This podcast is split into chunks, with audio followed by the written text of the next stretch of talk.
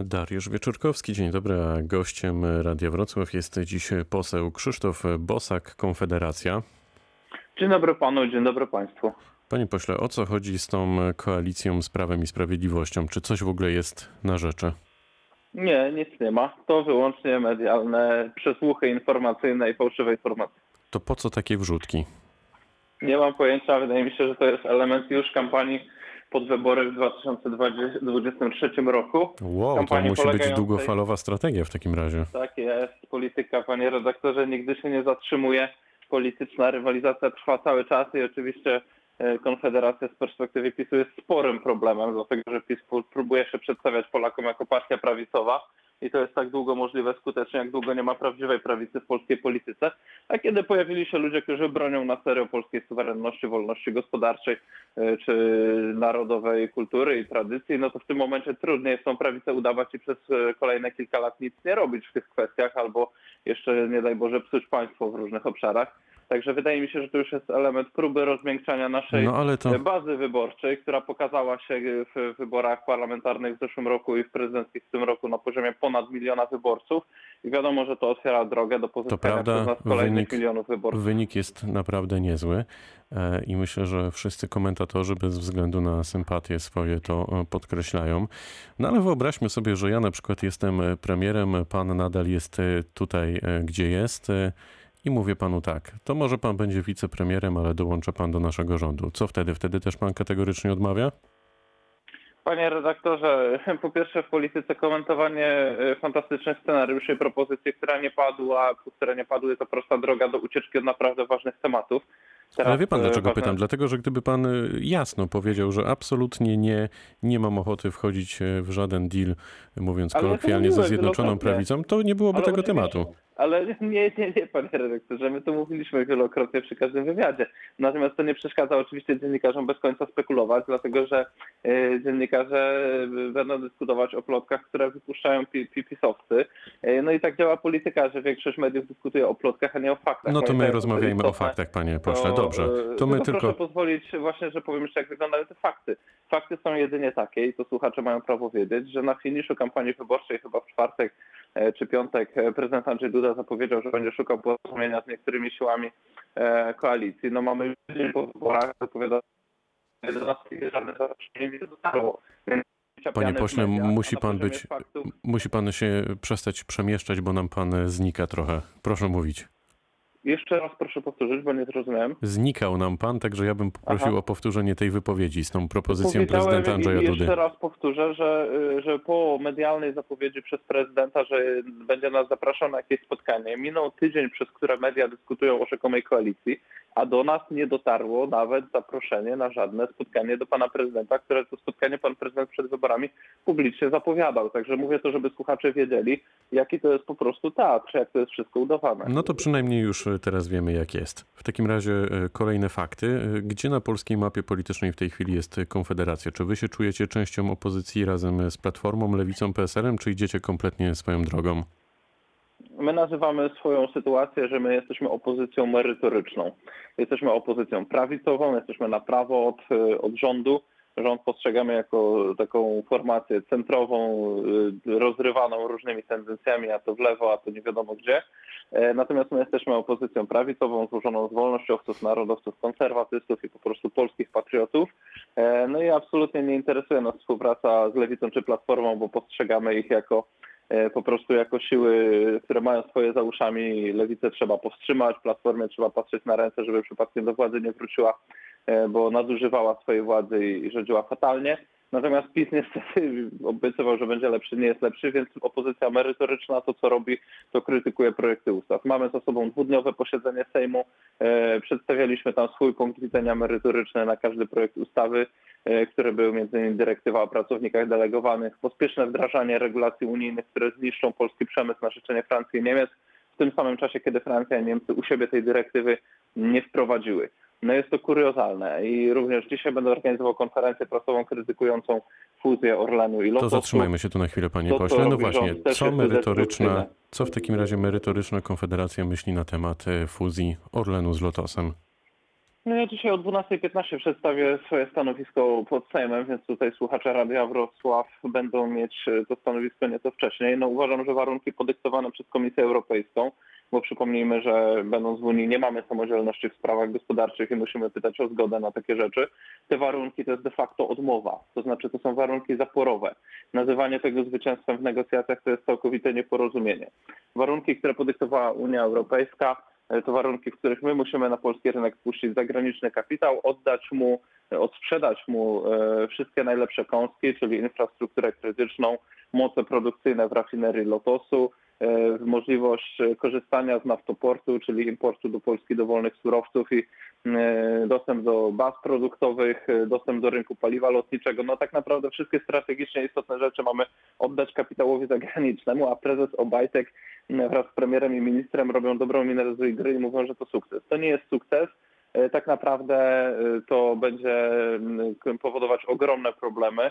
Lotos ulegnie rozbiorowi, jeżeli rząd będzie to realizował, e, a Orlen dostanie, że tak powiem, szczątki po Lotosie i poniesie ogromne koszty tego wszystkiego, bo Komisja Europejska każe na przykład Orlenowi zbudować nową infrastrukturę E, której jeszcze nie ma, tylko po to, żeby właśnie zagraniczni aktorzy mieli łatwiejsze wejście do Polski. Także to jest, e, to jest niesamowite. Nie pozostawił pan suchej nitki na tym projekcie. Eksperci nie pozostawiają. Natomiast problem jest taki, że Orlen ma kilkaset milionów rocznie budżetu reklamowego i wszystkie media w Polsce, wszyscy eksperci są na różne sposoby uzależnieni od Orlenu, więc nikt z otwartą przybitą za bardzo nie występuje z krytyką. Po prostu mamy tutaj cały sektor mediów i rynku kupiony który siedzi w kieszeni największego reklamodawcy w Polsce, którym jest Orlen. I dlatego ja będę Szczęśliwie mówił, Radio Wrocław, panie pośle, nie jest kupione przez nikogo. E, okej, okay, zachęcam Państwa, żeby przedstawiali Państwo eksperckie analizy w sprawach energetycznych, w sprawach dużego polskiego biznesu. Jeżeli mają Państwo swobodę wypowiedzi, Dlatego rozmawiamy. dysponuje 90% dziennikarzy w Warszawie. Dlatego my rozmawiamy, panie pośle. E, proszę mi powiedzieć, czy do Pana jest równie łatwo się dodzwonić jak do prezydenta Polski?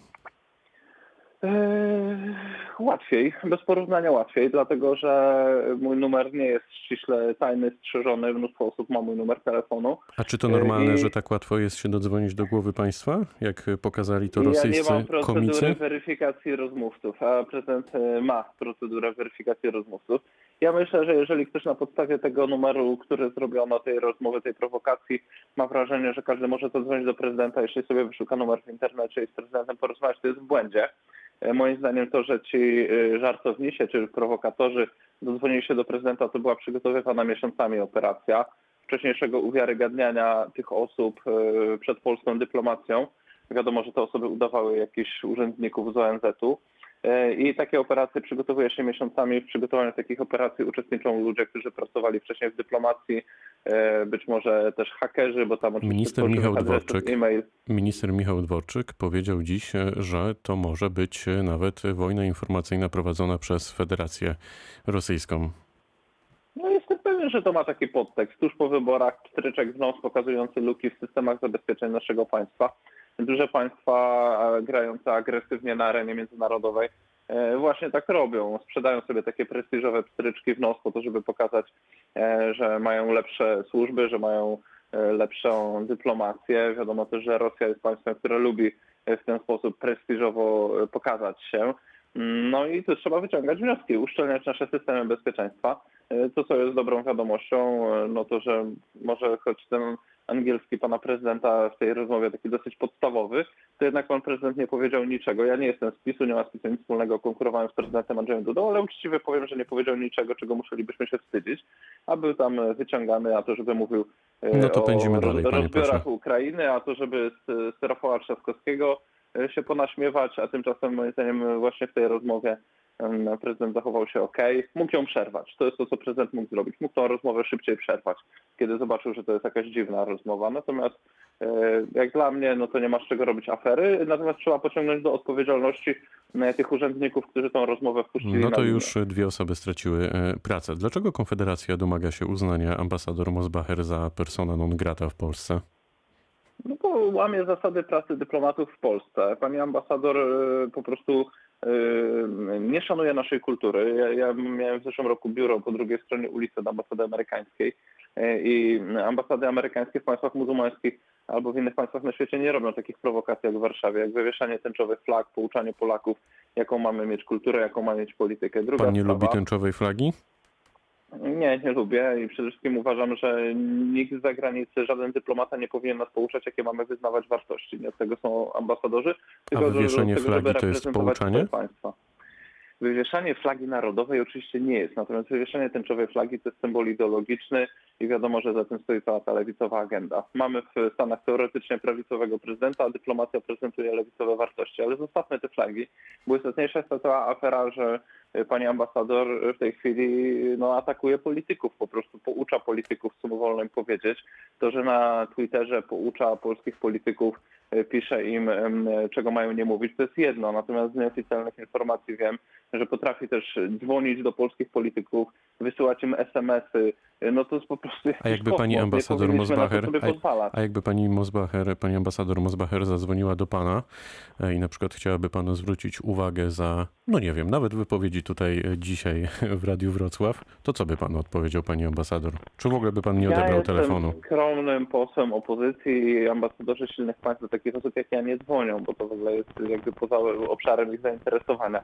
Natomiast gdybym pełnił ważną funkcję w państwie, to bardzo grzecznie podziękowałbym za uwagi i się rozłączył. No i tyle.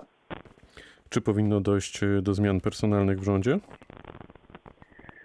E, Pewnie tak, e, pewnie tak, zawsze mogłoby być lepiej. Natomiast to jest sprawa partii rządzącej. Ja nie A będę gdzie mogłoby układał- być lepiej pana zdaniem, jak pan patrzy na do, dotychczasowe no, dokonania? Na przykład nadzór nad majątkiem Skarbu Państwa. Ktoś odpowiada za to, co się w tej chwili będzie działo z, z Lotosem. No minister Jacek Sasin.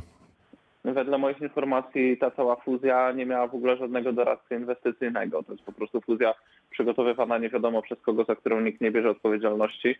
Yy, I yy, minister Sasin na przykład tutaj byłby pierwszy do, do, do wymiany, żeby wstawić kogoś, kto się zna na dużych yy, spółkach, na ich fuzjach, przejęciach, nadzorze właścicielskim. Minister Sasin, przypomnijmy, był samorządowcem. Zna się może na samorządzie, ale jakby nie ma w swojej karierze zarządzania spółkami Skarbu Państwa. Dlatego uczynienie go odpowiedzialnym za te mm, tak zwane aktywa państwowe, wcześniej to się nazywało Ministerstwo Skarbu Państwa, e, no to jest moim zdaniem wyłącznie decyzja Jarosława Kaczyńskiego, żeby namaszczyć tam kogoś bliskiego sobie i, e, i posłusznego, a nie osobę kompetentną. I to się niestety bardzo źle skończy e, właśnie dla spółek Skarbu Państwa. Zresztą już wiemy przecież i na Dolnym Śląsku, jak i na chaos w KGHM-ie, co chwilę tam się coś e, zmienia, co chwilę coś się dzieje i nie inaczej jest w całym kraju. Krzysztof Bosak, lider Konfederacji, był gościem rozmowy Dnia Radia Wrocław. Bardzo dziękuję za spotkanie. Dziękuję serdecznie za rozmowę. Pozdrawiam wszystkich słuchaczy. Pytał Dariusz Wieczorkowski. Dobrego dnia.